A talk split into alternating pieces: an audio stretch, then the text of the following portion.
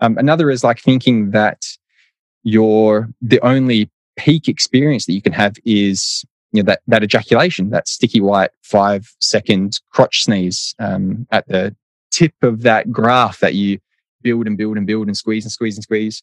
Uh, a teacher of mine, Joseph Kramer, calls this balloon sex or balloon masturbation, where you're you're building and building and building and building and building until that balloon pops, and that's your climax, and then that's it. There's nothing else afterward. This is the Move Your Talks podcast, where the intention is to empower you to be more of you. Your journey of becoming more fully alive and exploring what a life of meaning looks like starts now. It is time to break down the myths about male sexuality and step into the real pleasure potential of the male body. I am calling on all men out there. It is time to invite more pleasure into your life time to let go of performance, shame, and really allow yourself to feel. I'm connecting with Australia's leading sex coach, Cam Fraser, whose mission is to help men cultivate an honest and unconditionally loving relationship to themselves through sexuality and spirituality. This conversation simply breaks down the myths about male sexuality and talks to you about the pleasure potential of the male body the most common fears that men face in their sexuality, which includes being too much, but also being not enough at all. Is it really true that men have an easier time to enjoy sex just because they generally have more orgasms than women? Beautiful men, this one is for you. It is time for you to tap into the real pleasure potential of your body. My name is Madeleine Mofjard, and you are listening to the Mofjard Talks podcast. If you find this valuable, post this on your story and tag me while listening so that I can send you a high five. I am so curious to hear what you learn from this one. Now, let's welcome Cam to the show. Hi and welcome, Cam Fraser, to the Move Talks podcast. Yeah, thanks so much for having me. I'm excited to be here. Mm, it's such a, such a pleasure to have you on the show. I would love to get started by checking in with you. How how are you doing? How is your spirit and your soul doing today? Ah, um, well, thanks for checking in. Uh, I feel um, I feel pretty good. I feel a little bit exhausted, a little bit tired. It's been a big week um, because I'm really trying to scale my own personal business, and part of that for me looks like just getting more well versed in entrepreneurship and that sort of stuff. So, um, so it's it's there's a lot of learning for me because I've never really done it before. So I've tried to really dive into that um, this week, and it's just yeah, I, I, just feel a little bit like a bit of brain fog, a bit of cognitive um, exhaustion because I'm just trying to learn a lot um, and and uh, just kind of go as I go as I go through it. So. Um, but having said that, I'm excited for the long weekend. I just went um, on a really beautiful uh, coastal bushwalk at a place called Cape Naturaliste uh, this morning, which was really lovely. And uh, unbeknownst to us, we didn't realize that at the time, but there was a whole bunch of whales that were like breaching and slapping their tails in the water. It was really um, a beautiful, magnificent kind of sight to to see. So that was a big surprise for us. We didn't realize that was going to happen. So um, it was really nice wow. to see that. And and yeah, I'm just um, I'm excited for for the weekend to just kind of relax and not have to do a lot. And um, so I'm in pretty good spirits. Although I'm feeling mm. a bit mm. tired, I, I, feel I feel great. Mm, that's lovely to hear. We're in a good mood today. yeah, that's it. Thank you. Uh, I love it. I love it. So in life, you mentioned that you're you're focused on scaling your business, and I guess that answers my my next question. But is there anything in particular right now in your life that you're curious about? Like, where's your attention? Is there anything that you're digging deep into? Um, yeah, that's that's one of them. Yeah, is is scaling business, and um, part of that looks like uh, writing a book as well. So that's something mm. that I'm mm. really excited to to uh, invest a bit of time and energy into as well. Like I've done, I really enjoy writing, and I've done a lot of it, but never in a really intentionally structured. Okay, this is going into a book type of way. So I'm I'm excited to kind of see what comes through and um, and and yeah, put put pen to paper in that regard. So that's something that's that's I'm a bit curious about at the moment as well. Is like how does that whole process work? I'm not really 100 percent sure. Wow, that is lovely. What is the book going to be about? It's going to be about challenging the standard narrative of male sexuality. So it's going to be related to my work. Um, and the premise of the book, I suppose, is challenging Masters and Johnson's 1966 model of male sexual response, which is this like really linear, really narrow, prescriptive way of thinking about male sexuality in like a really simplistic, um, yeah, just a simplistic way of thinking about it. So I'm, I'm critiquing that and offering some new examples and and yeah, it's gonna so it's gonna be like um, I suppose data driven, evidence based. So I'll be I'll be doing a lot of referencing and um, that's what I really like doing in my work is combining that kind of reference based, um, scientifically validated way of thinking about things and just combining that a bit with the like the the tantra mystical sacred sexuality side of things as well and trying to just bring those two worlds together a little bit. Mm, love it. That is so powerful. And i'm so looking forward to dig deep into these topics and explore this with you. Um, but before i would like to have some kind of background of you. Uh, if you look back at your life and everything that you have uh, both like achieved experienced felt everything that you've been through what would you say that you are most proud of? What am i most proud of? Wow um, uh, i'm pretty proud of um, sticking true to like what i believed in. So i guess um, integrity is what i'm proud of of of like pursuing what i wanted to pursue uh, you know, I, felt a little bit pressured into studying uh, engineering and business and kind of doing something that was quote unquote safe and would make me money. You know, if I got a job in that sector and, um, and you know, I did a semester of that at university and then was like, oh, this is not for me. I just can't do this. Um, I couldn't foresee myself doing it for a long time. So I was like, what am I actually passionate about? What do I actually want to do? And psychology was something that I was interested in, counseling and mental health, and particularly like human sexuality and human behavior. So, um, yeah, I made the decision to to pursue that instead, and um, you know, I was proud of myself, I suppose, for for listening to what I wanted to do, and and then having the courage to yeah, I guess maybe stand up to my parents in some regard, but then go through the process of changing majors and and just having that integrity to be like, no, that's that's actually not what I foresee myself doing, and here's actually what I'm interested in and what I'm passionate about, and, and I'd like to pursue that instead. So, and that's held me in good stead for the last, um, I guess, ten years. You know, it's been something I've continued to to pursue, and um, in terms of like you know academic study, but also you know I really enjoy going and doing workshops and uh, learning and education is a big value of mine. So I'm proud of myself for just continuing that education and, and pursuing something that I thought was important to me and, and something that I hold in, in one of my highest values. Mm, I love it. And it's, yeah, it's such a good reminder that it actually takes a big amount of courage to follow that like the inner voice these breadcrumbs that are given to us. So uh, yeah it's a beautiful reminder. And today you're working with uh, like helping men to yeah to to get in contact with their own sexuality and to experience more pleasure in life. Um what would you say is the most meaningful like part of the work that you're doing?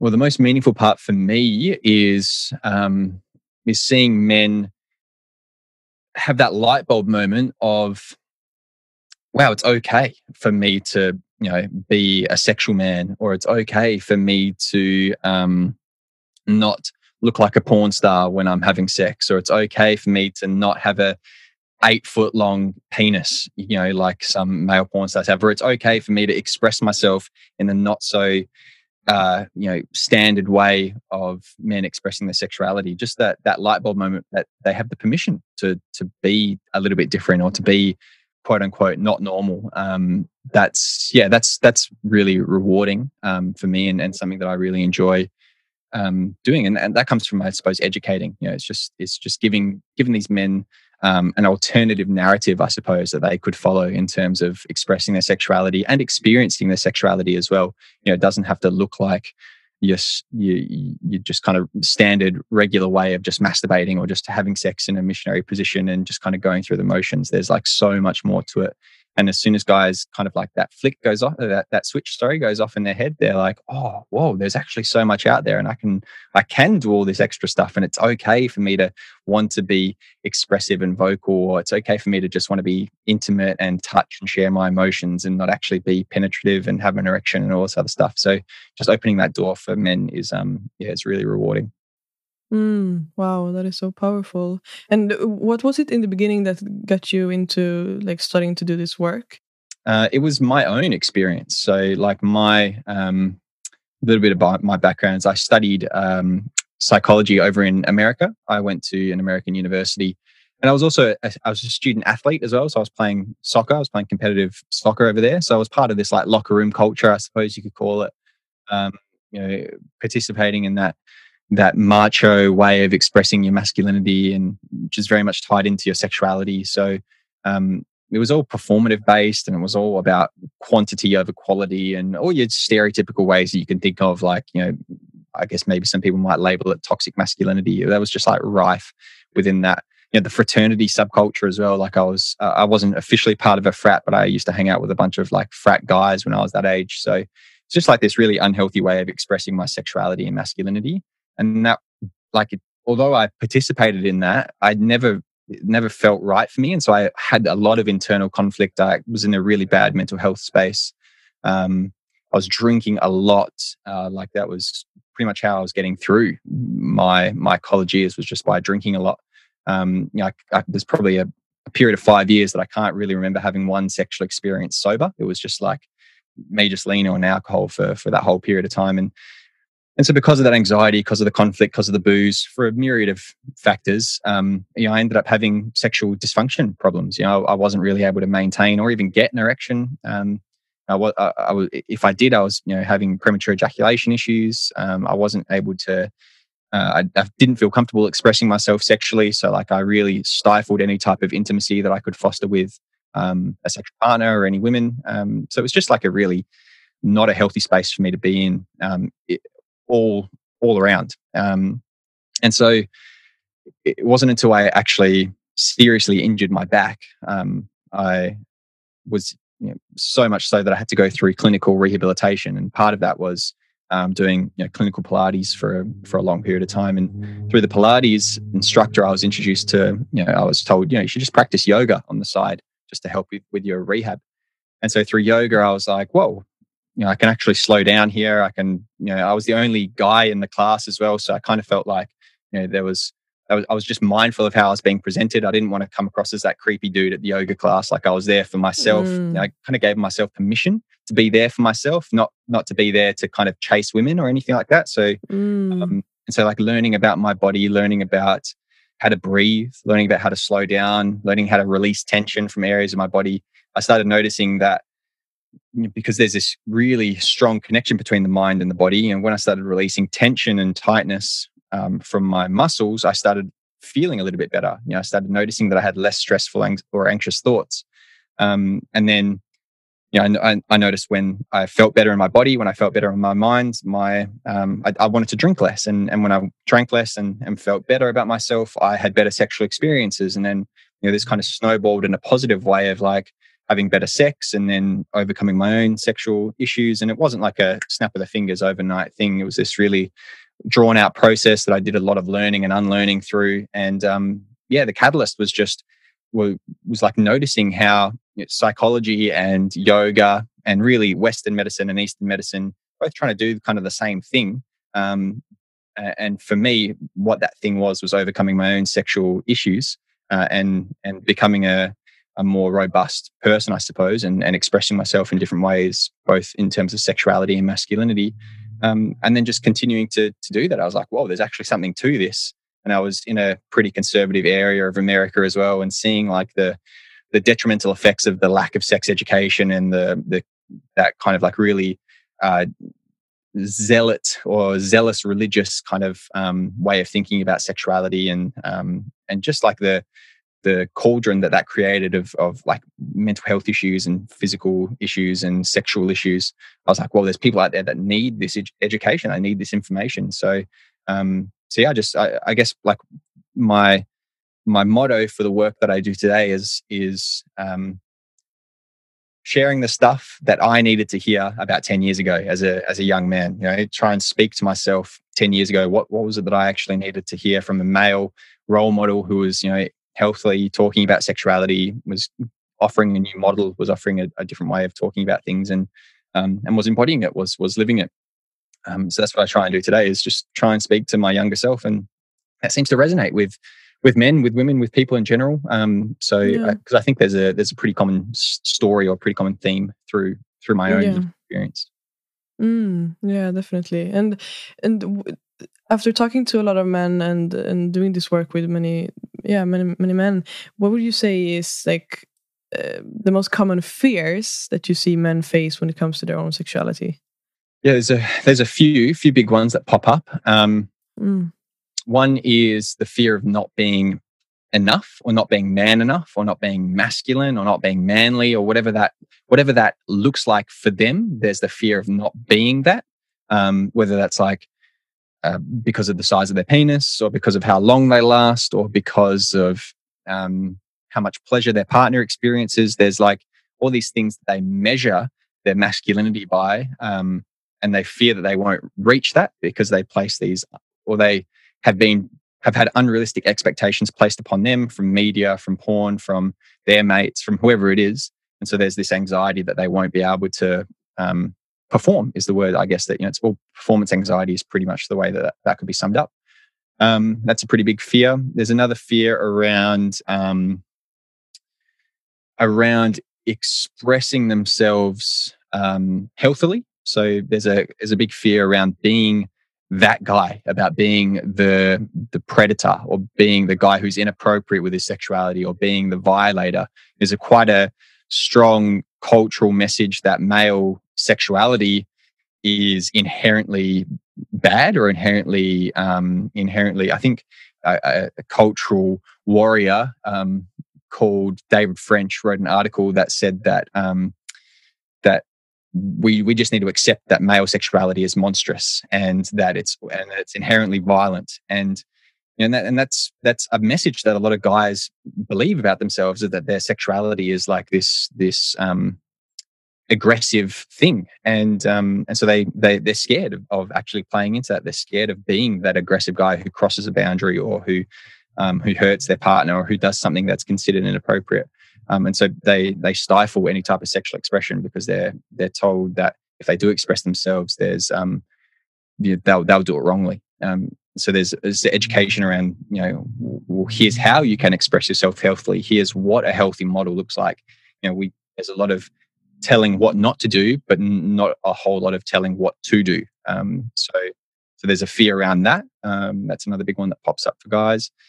Um, and then there's, I guess, like other generalized fears with regards to, um, you know, stepping outside of that mainstream way of expressing yourself. Um, is like the fear of, of being, being, um, I guess, bullied would be the word, like being teased, being told that you're um, girly or you know, gay is a big fear. You know, for a lot of guys, you know, being being told that they're gay. There's this bit of internalized homophobia that gets triggered by that.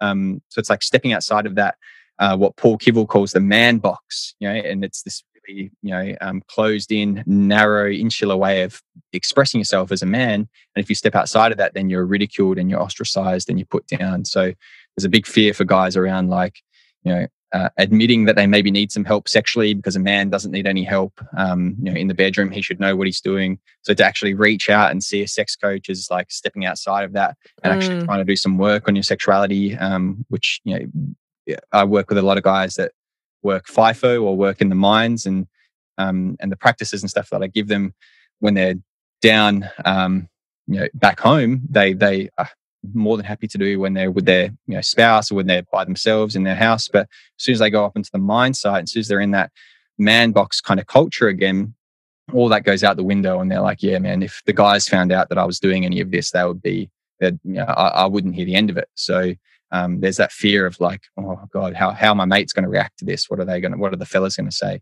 Um, so so that, that, those are the big ones. Mm. Oh, it's so like I'm getting goosebumps while you're talking because it's so sad. Because uh, like when it comes to sexuality and relationships and, and all these these topics, it's like we're just supposed, both men and women, to have it all figured out. And like you mentioned, then if we go see someone to get help, it's like, what's wrong with you? Mm. But I mean, that's the vulnerable part of it, and to actually allow ourselves to expand and to to tap into something deeper and more meaningful. Yeah. Mm, yeah, yeah I, I, often think it's like it's like building a skill, right? Like mm, no one, yeah. no one belittles you for not being good at um, making pottery. You know, for example, Yeah. like the reason why you are good at making pottery is because you go went to a class and you practiced and you made mistakes and someone was there to support you through it and then you learnt that skill and now you're proficient and you're good at it. It's exactly the same way with sex, you know, and and and practicing being vulnerable, prac- practicing being intimate, practicing sharing your emotions, prac- practicing being sexual with your partner or being sexual with yourself. Like for some reason, we're just expected to just know how to do it, even though we get zero or very little education about it. Um, but you know, it, it's exactly the same as building a skill. You go see someone who has studied it, who knows what they're kind of talking about, who can give you some guidance. Then you practice it, you make mistakes, you become better at it until you, you know, and, until you feel proficient at it. And and yeah, for some reason, we just we we take the piss out of people so much if they talk or or ask for any advice around sex, but not if they ask for advice around making pottery. Exactly. Yeah. It doesn't make any sense at all. And I feel like when I hear you talk, also like when it comes to all these fears that men have around their sexuality, that it's also connected to the ideas and the myths that we have about male sexuality. Um, what, what are some of the myths that you see like flourishing around in the society today that we like need to break down and that you try to break down with your work? Mm, yeah, there's there's some big ones. Um, the main ones that usually pop up are um, men or male-bodied people or masculine people are supposed to have like really high sex drive. They're supposed to be hypersexual, and this is portrayed in music videos, for example. You know, like the your mainstream male pop stars and and hip hop artists and rappers are all like guys surrounded by a bunch of women, you know, scantily clad and you know they're all talking about how long they can last and how many women they can have sex with and that they're insatiable and that they you can never get enough you know women or can get never get enough sex. Um, and then that's on you know on top of the porn that guys are watching on top of all the hollywood movies that you know portray men as like you know always chasing women always kind of being interested in sex. Um, so there's this like idea that male sexuality is just like men always thinking about sex at the drop of a hat can get an erection you know uh, are ready to have sex you know and never say no like that that that Yeah. can get some really murky territory of like well then how can a how can a guy you know be sexually assaulted? He he should always be ready to have sex. He should always say yes. Um, so it starts to create some some really bad um, or negative ways of thinking about you know people in male bodies and and, and assault particularly but um, but that's a big one. And especially when it comes to like partnerships as well we um, i say we like people in the sex coach and sex therapy industry tend to work with heterosexual couples for example um, where maybe there's a, a, a situation where the woman in that couple has a higher sex drive or a higher libido than the guy um, and this is causing a lot of conflict because the assumption is it should be the other way around um, and so this causes a bit of conflict internally for the guy because he thinks oh what's wrong with me? I need to be really sexual all the time and um, and maybe he has that pressure on himself. And you know women have the same stories about male sexuality that we do. So maybe his partner she's got the expectation that he needs to be more sexual. And um, and so there's a, a, a this mismatch in libido that becomes really really problematic because of this myth that men need to be hypersexual um, and something that i like to share in terms of statistics is uh, out of all the couples that go and see a sex therapist 50% of those couples will see the sex therapist because of a problem around mismatched libido. And 50% of those couples that talk about mismatched libido it's 50% the woman who has a higher sex drive and 50% that the man has a higher sex drive. So it's, we're actually a lot similar than we kind of realize in terms of libido and um, and the the amount that we want to express our sexuality but there's just this assumption that men should be higher that men should be um, should be expressing themselves or should be you know have this higher striving libido. So that's a big one that pops up because because it's it, it's abundant in in all of our media and, and in our expectations about men. So um, that's a huge myth. Uh, th- there's a couple other ones that are really uh, quite big and, and can kind of lead to to anxiety and and to fear and to frustration uh, which is uh, around like genitals you know like something I touched on before is, you know, men should just be able to get an erection at the drop of a hat, you know, and that that they should just, you know, as soon as the wind changes, they should be able to to get hard and it should be rock hard for for all night long, you know, and they should be able to just pump away like a machine. Um, this is what um, a guy called Bernie Zilbergeld calls the fantasy land or the fantasy model of of male sexuality, which is like, you know, guys should just be able to get an erection real quick, should be able to last for as long as they can, and that erection should be as hard as a steel bat for yeah. four hours on end.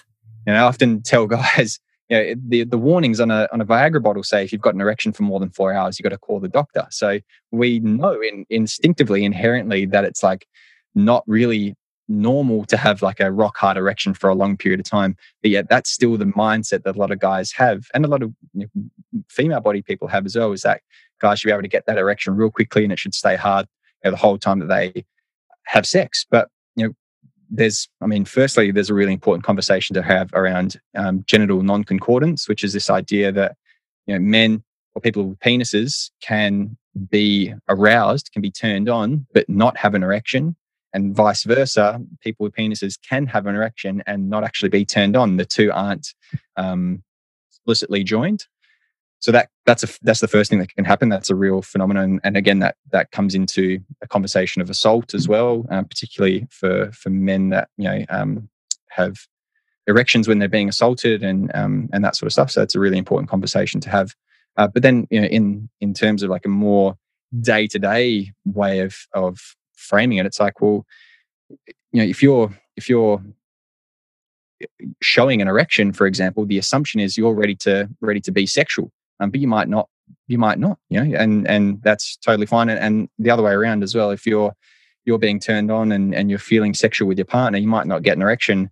Um, and then there's this idea, well, you don't have a, an erection. What's what's wrong? You know, what, you know, is there something wrong with you? Is there something wrong with me? Am I not good looking enough? Am I not hot enough? You know, are you not turned on enough? Like, what what's mm. the problem? Here? Um, and then it's like you know, erections wax and wane over the course of a sexual experience as well. So there's this um, you know, idea that because it needs to be hard like a like a bat the whole time, that if you lose any amount of firmness from your erection, then there's then there's a problem and you need to take a pill or you need to do some sort of thing to make sure that your erection stays rock hard for that whole time um, without allowing for that natural variance and fluctuation in, in, in firmness. So that's a pretty um, a pretty a more it's more physically related but it's definitely something that pops up a lot in terms of like what expectations are. I guess they're, they're myths but they're like these myths create expectations, right? It's like men and people with male bodies are expected to be this way. And if they're not, if they don't fit this way that we think male body people are supposed to experience their sexuality, then they're abnormal, there's something wrong. And this is where companies like Pfizer and um, other, you know, other pharmaceutical giants will then start to medicalize, pathologize these natural variations in male sexuality. And that's where we get, you know, quick fix pills and sprays and creams and stuff, which maybe can be useful in certain uh, certain regards in certain situations. But you know, the idea is like, well, let's try and make normal male sexuality such a small sliver of what the experience is, so that anyone that falls outside of that tiny little sliver, we can pathologize and say, you need to take this pill so that you meet this little tiny thing that we consider normal. Um, and we still use that model, you know, in, in sex therapy as well. We still we do the same thing. We we say if you don't confine to this really strict linear way of experiencing male sexuality, then you're abnormal, and that you need you need to be uh, you have a dysfunction and you need to be treated and and all this sort of stuff. So these myths, although they kind of seem quite abstract, have like real world implications um, on a on a number of different levels. Mm, wow, it's so it's so interesting to hear you talk about this stuff. I feel like I'm I'm learning a lot from this conversation already. and uh, something that I'm curious about as well is I've heard you mention in another interview that the fact that many men uh, are only like scratching the surface of the the pleasure potential that that they have. Um, so I'm wondering like what what would you say is the pleasure potential of the male body and what can men do to actually yeah develop a more meaningful connection to their sexuality. Yeah um i love this question because like it challenges so many assumptions about like people with penises and male body um, experiences of pleasure because there's this like this idea that you know guys they only really care about their cocks right when it comes to when it comes to sex. They only get pleasure from their genitals.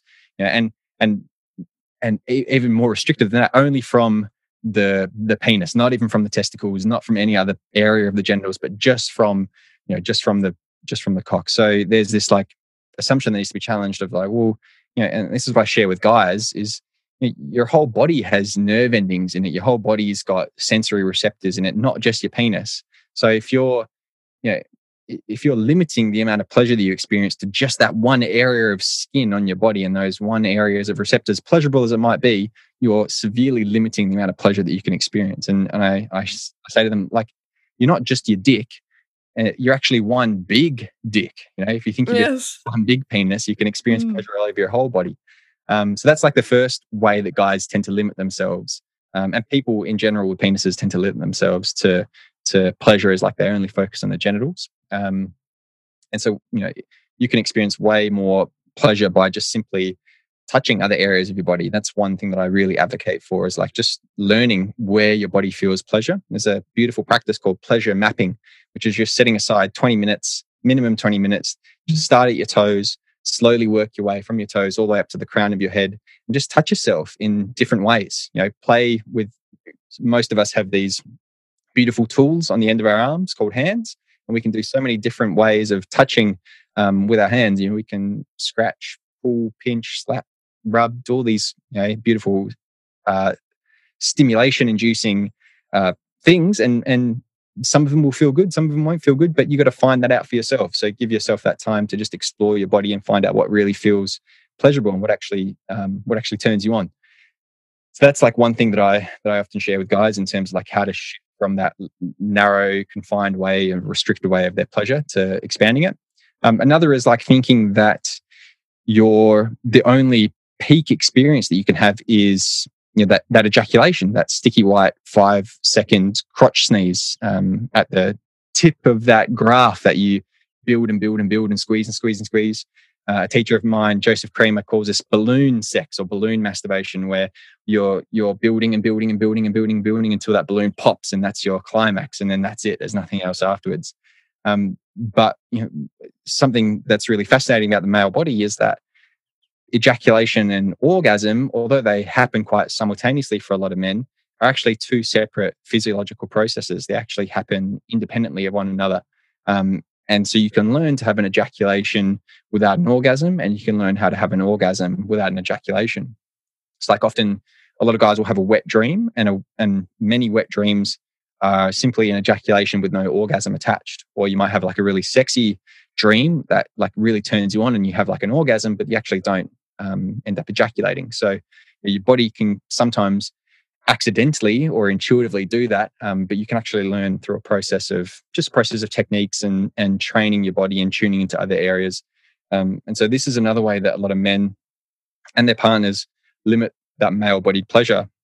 Is they focus on the ejaculation. They're like well this is the only thing that i can experience pleasure from or this heightened state of pleasure. So that's going to be what i focus on. That's be, that that becomes the goal of the sexual experience whether they're masturbating or with a partner like whether and whether unconsciously or consciously they they will make the goal of that experience you know to ejaculate. So i often ask guys when was the last time when was the last time you masturbated or when was the last time you had sex and you didn't ejaculate? You know you chose not to ejaculate. And oftentimes you know, barring any medical condition or, or any work in the tantra space like what are you talking about? That's the reason why i masturbate right? Is, to, is to ejaculate. What do you what do you what do you want about? So i'm like well maybe there's an unspoken um, pattern there that you've created, which is to just focus on that end goal to get that product at the end of your masturbation, um, as opposed to potentially enjoying the journey to that product. You know, not even not even having to focus on that ejaculation at the end. But what if you just chose not to ejaculate and just chose to focus on the pleasure that you experience throughout that whole process, rather than um, thinking about the end destination?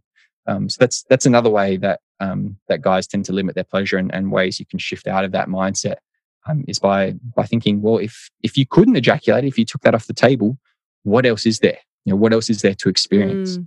Uh, and, and often that's like, particularly for couples, um, this often happens in like an unconscious or unhealthy way, if you want to use that terminology, is when a guy maybe has a bit too much to drink and he um, you know, gets whiskey dick or brewer's droop or whatever you want to call it, sexual uh, incontinence because of alcohol, uh, and and like can't get to the point of ejaculating, and this brings up some stories, right? It brings up this idea that like, well, well, he didn't come. What's what's wrong with him? You know, is there it can't it, can't he come? Like, what's what's going on? Is there something wrong with his body? Like, what's the what's the issue there? Or it brings up a story, particularly for um, for for women that are having sex with men. Oh, what's wrong with me? Am I not am I not good looking enough? Am I not hot enough? Am I not doing that thing that he likes? You know, am I not um, you know all this self worth stuff can kind of come up, and then those things can be those two stories can be then projected onto the other person of like no nothing's wrong with me. It's their problem. He might be thinking nah you're right. She's not hot enough. Like she's not doing that thing that i like in porn or she's not this or that or whatever it is. Um, and she might then be thinking no i'm i'm fine. There's nothing wrong with me. There's something wrong with him. He's got the issue and, and that sort of stuff. So oftentimes that taking away of ejaculation in a kind of unintentional way unconscious way if you want to use that phrasing um, can bring up those stories. And and so it's like if you imagine that context and you know and if ejaculation is this signifier for you that he's had a good time then it might be worth challenging that because because you can still experience pleasure you can still have an orgasm you can still have great sex without there being an ejaculation involved um, without there being an orgasm involved you can still have great pleasurable sex um, it doesn't have to be you need to achieve this for it to be successful you know so um, so that's another way that i think men but also couples people that have sex with men um, also limit that male bodied experience of pleasure. Mm, yeah. And it's so interesting. What comes to me is also this idea that for me in the perspective of being a woman like we i hear a lot of women thinking that because men have so much easier to get an orgasm. I don't know, maybe that's just a myth as well. But the idea that men men tend to have more orgasm than women, and that our problem normally is that we have a hard time to get an orgasm, and then that becomes an the illusion of like, yeah, but men men seem to enjoy sex more than women. But that is also like that idea comes from orgasm being the only goal with sex, and so that is also like yeah, it's an interesting thought. Yeah, uh, how, yeah. And how do you like, think that affects us? That idea. Well, there's there's obviously um, a conversation to be had around like the mm. um, proverbial orgasm gap, right? This idea that yeah, men are experiencing because their orgasm is so often closely related to ejaculation, um, and men are ejaculating a lot more than women are having orgasms. There's a there's a gap there. There's a there's a there's a difference which needs to be bridged. Um, but there's also a conversation of like, well, okay, who's who's the person responsible for your orgasm? Who's responsible? Who's the person responsible for your pleasure? And you know, I've I've read tabloid magazine headlines that put the onus on, uh, in especially in a heterosexual example, put the onus on a guy to be responsible for his partner's orgasms. You know, not not only women's magazines but also men's magazines, where they say, you know, uh, 15 ways to make her come, or you know, um, why the reason why women can't orgasm is because of lazy men or things like this right? Um, and so this idea then is well if we're if we're creating a dynamic culturally where you know and this is shifting and it's not obviously the case for everyone but um, where the male partner in that heterosexual relationship is responsible for you know giving like he can give a present or give a gift to his partner and make them orgasm um, sex doesn't work like that you know like you're you're responsible for your own orgasm. Yeah you can help facilitate your partner's pleasure. You can help facilitate mm. your partner's orgasm. Um, and i think that's where you know healthy sexual uh, interactions and experiences come is when both people are communicating and, and the space has been created for them to have that conversation. Um, so that, that and so there's like expectations that are created then of of you know women not feeling like they they can speak up if they're not experiencing you know orgasm because it's he should know what he's doing and he should be the one that gives the orgasm to her. Um, and then the expectation is then on men to perform in a certain way to make her orgasm. Um, and then that can get into weird like piece of advice of like do this one thing and this will make every yeah. single woman orgasm. And then you get this universal kind of way of thinking which is so wrong as well. Um, because sex isn't so black and white it's like really beautifully nuanced. Uh, but you know that's not the dynamic that's set up when we start saying you're the person responsible for my pleasure. You're putting our eggs in another person's basket so to speak. Um, so so that that contributes to the whole situation as well. Um, and then you know this idea then that um, you know a lot of women are, are faking their orgasms faking their experiences of pleasure because of this idea that you know men's um, ego is so tied into sexuality and, and particularly like men's perceived pleasure of their partner is really tied into their their um like how successful they consider the sex to be for example it's like um you know guys will brag to their mates in the locker room for example of i made her orgasm this many times or I made her scream this loudly or whatever it is, you know, this quite um, performative way of talking about sex. Um, you know, and, and I've said on social media before and, and I'll kind of like rehash it here is, is because men have this idea that they can only experience this like five second ejaculation, right? Their pleasure so limited to this like, and we have this cultural, um, story as well that men's pleasure is like so small, but women's pleasure is so vast and so intense, um, which is often perpetuated by this myth that you know the clitoris has eight thousand nerve endings while the penis only has four thousand. That's a that's also been debunked and is actually not necessarily the case, but that's a whole different conversation. But this cultural myth is that like you know women's experiences of pleasure are like really intense and men's are quite small and quite um, narrow. And so then this idea then becomes okay, so guys are just focused then on gratification. They're like, if I can only experience this five second little ejaculation at the end, that's what I'm gonna I'm gonna get that five second ejaculation because that's all I can get. That's that's my only pleasure that I can get. Um, so they they minimize their own experiences of pleasure because of the other things we've talked about as well, and they try and emphasize the and I say here particularly the perceived pleasure of their partner as well. So they'll like they'll um, and and you know they'll put their pressure on their partner on their female partner to be really vocal or you know to be you know and and to the point where she maybe feels like she needs to fake an orgasm because you know he's got that pressure of like well, I can only have this little ejaculation. I need you to be experiencing all this pleasure so that it makes me feel good. And you know a lot of guys are outsourcing their pleasure to their partners as well. And so that it, so it creates this really you know unhealthy dynamic I suppose. And um and so the what I shared on social media with regards to that scenario is that like contrary to maybe what kind of the mainstream media kind of says is men men focus on their partner's pleasure more than they focus on their own pleasure right and mm. it's like that and so I put that out there and I got a bit of backlash for it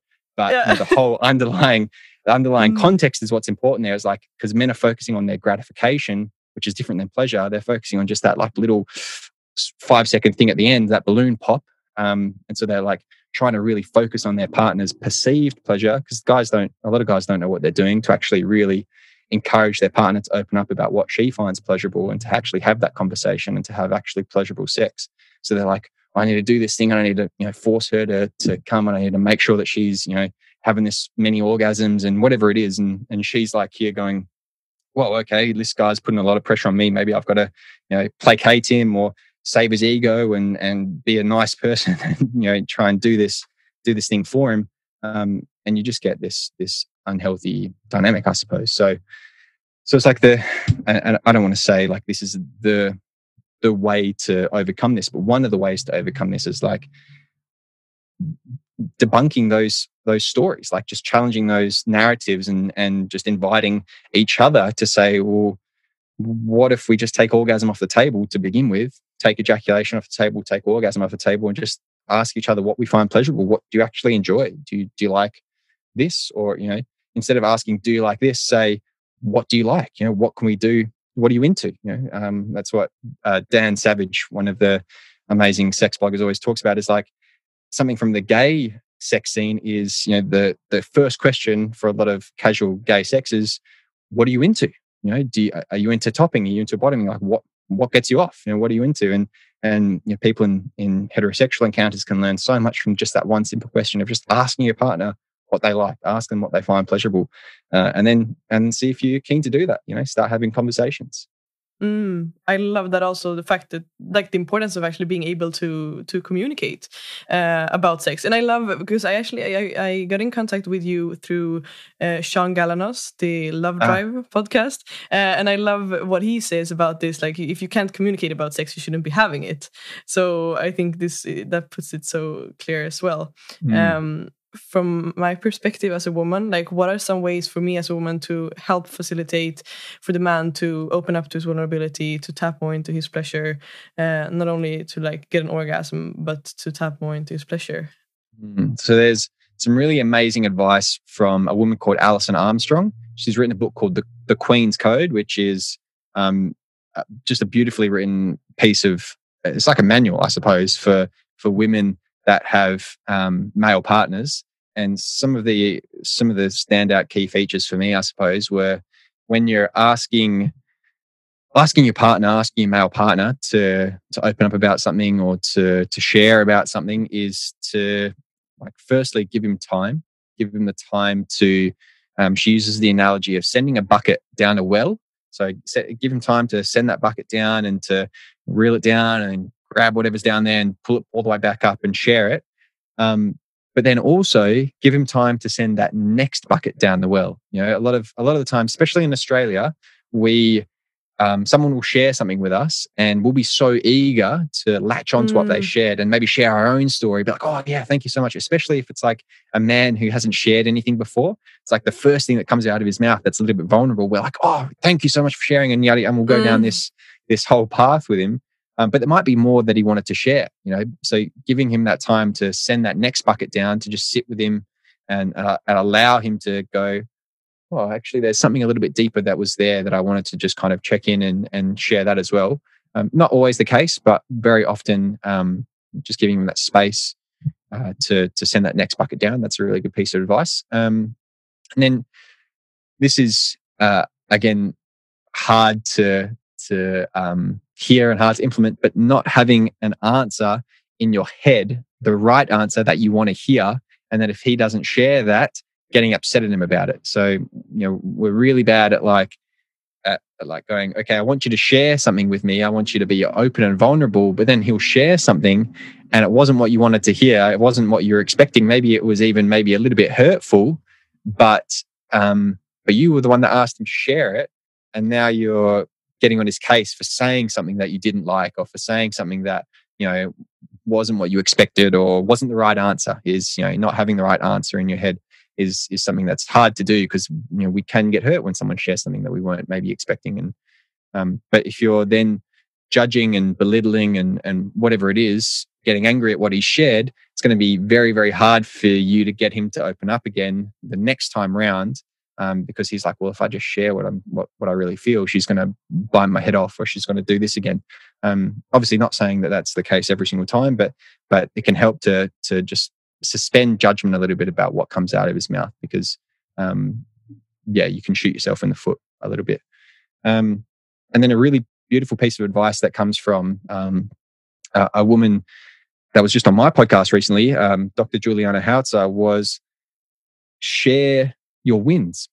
Share your sexual wins. What what are you proud of sexually? What do you what do you want to celebrate you know with regards to your sexual experiences? And and you know you can lead by example and say here's what i'm really proud of. You know the question you asked me what are you really proud of? You know or what are you what are some things that you really want to celebrate with regards to your sexuality and your sexual experiences? Um you know here's mine. And, and invite that into the space. It doesn't always have to be serious conversations about oh let's get really vulnerable and let's get really serious and let's get really you know it's like well you know, what about if we bring a little bit of lightness and a little bit of playfulness and a little bit of um, you know just take that pressure off a little bit? It's like what are you really enjoying? What are you actually you know um, excited to share about with regards to your sexuality? And what's um what are your wins? So I th- think that's a really beautiful piece of advice as well as that um, it's you know, important to to bring some playfulness and some some lightness into our sex conversations as well because mm. um, because yeah otherwise it can be all all work and no play yes Mm, that is a good point as well to not only see vulnerability as something deep and heavy and like a work to be done. yeah. it can also yeah. be playful and quite easy. Mm, that is beautiful. And how would you say, I'm curious, like, how does our relationship to our own sexuality affect the way that we show up in the daily life?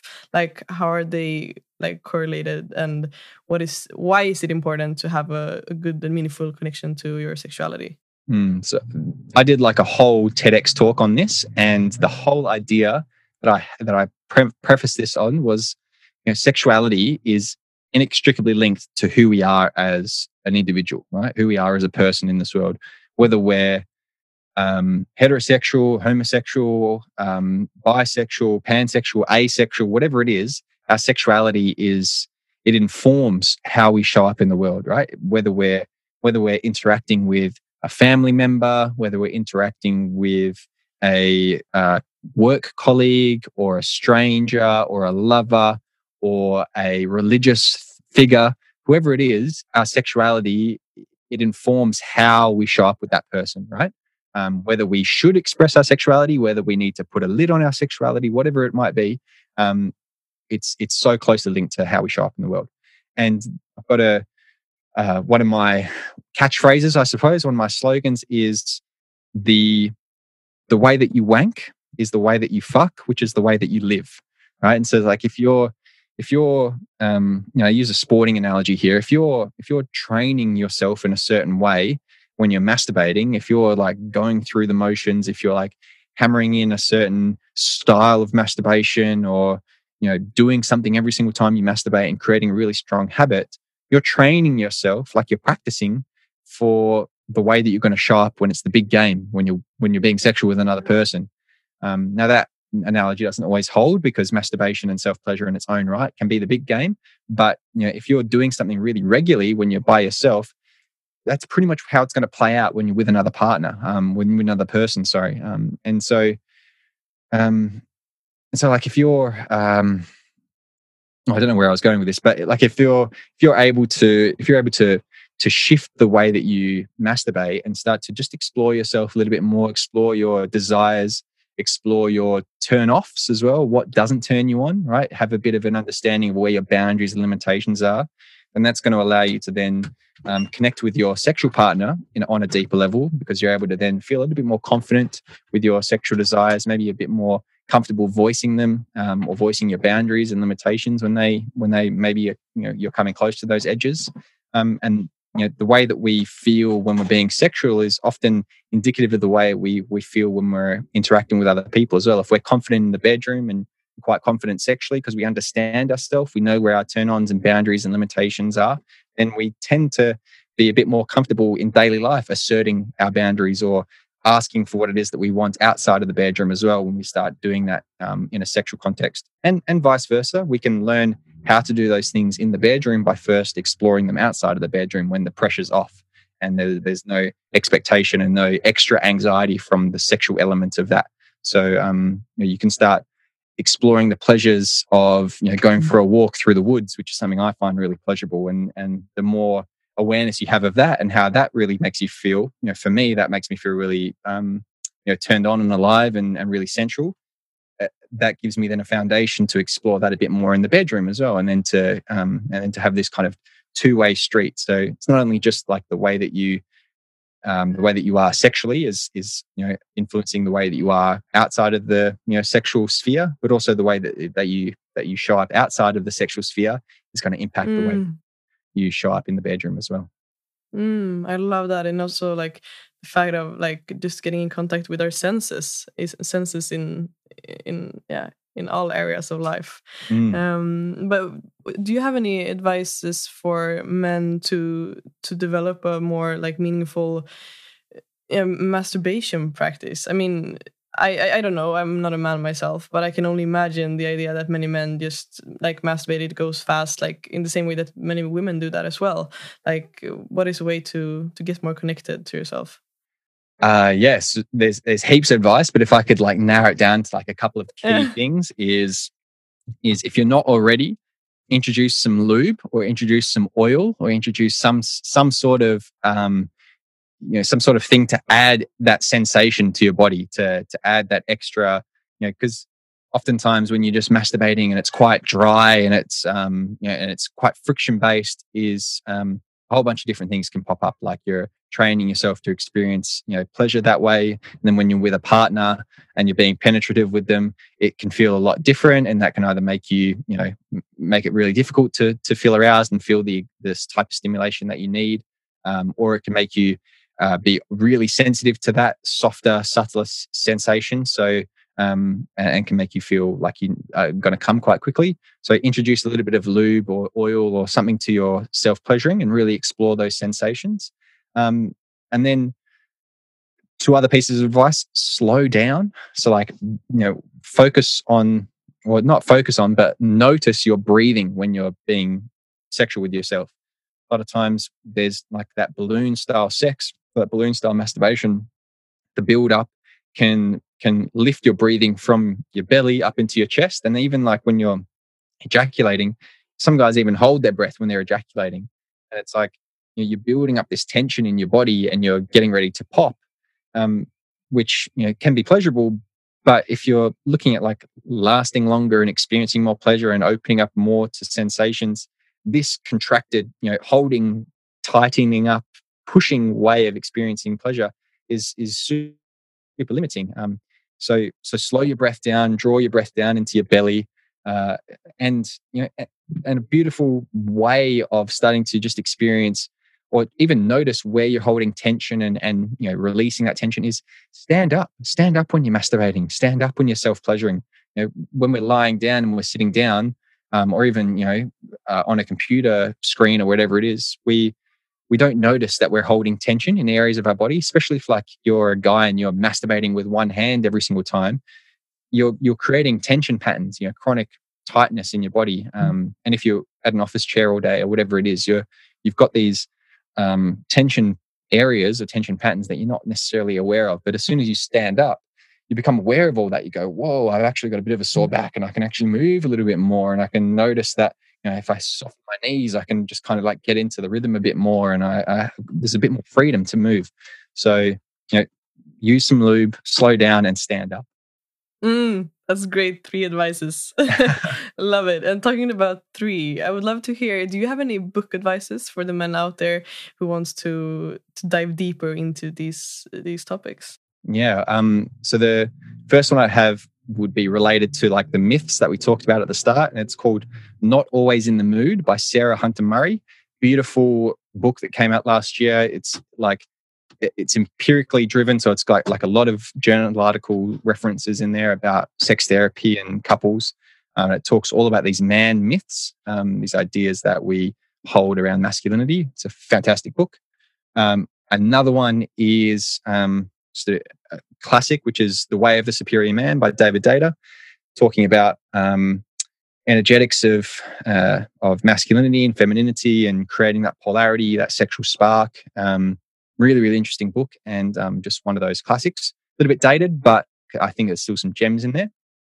And uh, another one, um, this one I read recently, or actually I'm still reading at the moment, is called uh, "Sex Up Your Life." And oh, I can't remember the um, the lovely woman who wrote it, but um, yeah, it's in, it's got this really interesting analogy of sex, which is um, as part of a continuum. Um, and I really wish I could remember the, the author's name um, so I could give credit to her. But this idea of like, um, you know, sex being um, when your boundaries are being crossed and when you're um, you're really not experiencing a lot of pleasure and it's not really enjoyable and it's you know and even you know getting to the point of assault and maybe even abuse there you know you're at this low end of this continuum of what sex can be. And then on the other end of the continuum is like when sex can be this transcendental, mystical, you know, when people in the tantra community talk about having sex and experiencing God and um, and and this really intense, you know, experience, and then everything in between, you know, and and just starting to to notice maybe where you're having sex and and you know what what are some tips and some practical things that you can learn to maybe take your sex to that next level up on the continuum or you know sex doesn't always have to be this transcendental you know divine experience. What can you do to you know maybe experience this know, something that's a little bit more day to day or or um, you know, mundane or lay person so um, that's sex up your life it's really really interesting book Mm, love it. Love the title, Sex Up Your Life. Says a lot. Mm. And how can the listeners do to get in contact with you or to learn more from you or, yeah? My um, website is uh, cam-fraser.com and um, my Instagram, which is where I share most of my content, predominantly where I share a lot of my stuff, is the Cam Fraser. Mm, lovely. And if you were to reach the whole world for like 30 seconds, what would your message be? Well, no pressure, hey. Um, my, exactly. yeah, it would be um, mm, be more curious about your sexuality, your sexual expression, your sexual experiences, and challenge the assumptions, challenge the myths, challenge the standard narrative that you have, uh, because you have it around your sexuality. you know, and and from speaking particularly to men, then you know that's even more so to to male-bodied Mm. people. Mm, love it. And to wrap this up, is there anything, any question that you would want me to ask you that I haven't asked you? Oh, um, you've done pretty good. I've really enjoyed the questions. Um, Mm, no, I, I don't know. I think there's. I mean, I could talk. I could talk all day. Yeah. You know, so I, I um, uh, I don't think there's anything that that has that Mm. I've that I've, that I've got burning desire to talk about. Mm, love it, love it. Okay, so then we will wrap up for now. Maybe we will come back to to each Yeah, other yeah, for anytime sure. soon. But I'm I'm so thankful to yeah to spend this hour with you. It's been my absolute pleasure, and I'm so thankful, and I'm looking forward to give this to the audience and hear like what their takeaways is, and yeah how they relate to this. So thank you so much for your time. No, thank you so much for having the platform to to have these conversations. Yes. Bye bye. See ya.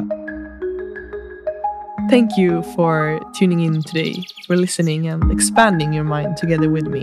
The journey starts now. I invite you to join me in the Facebook community where I open up for space where we can all show up fully as we are in our unique presence. Find your way there by checking the links in the show notes. I am truly longing to connect with you all. Talk to you next Tuesday.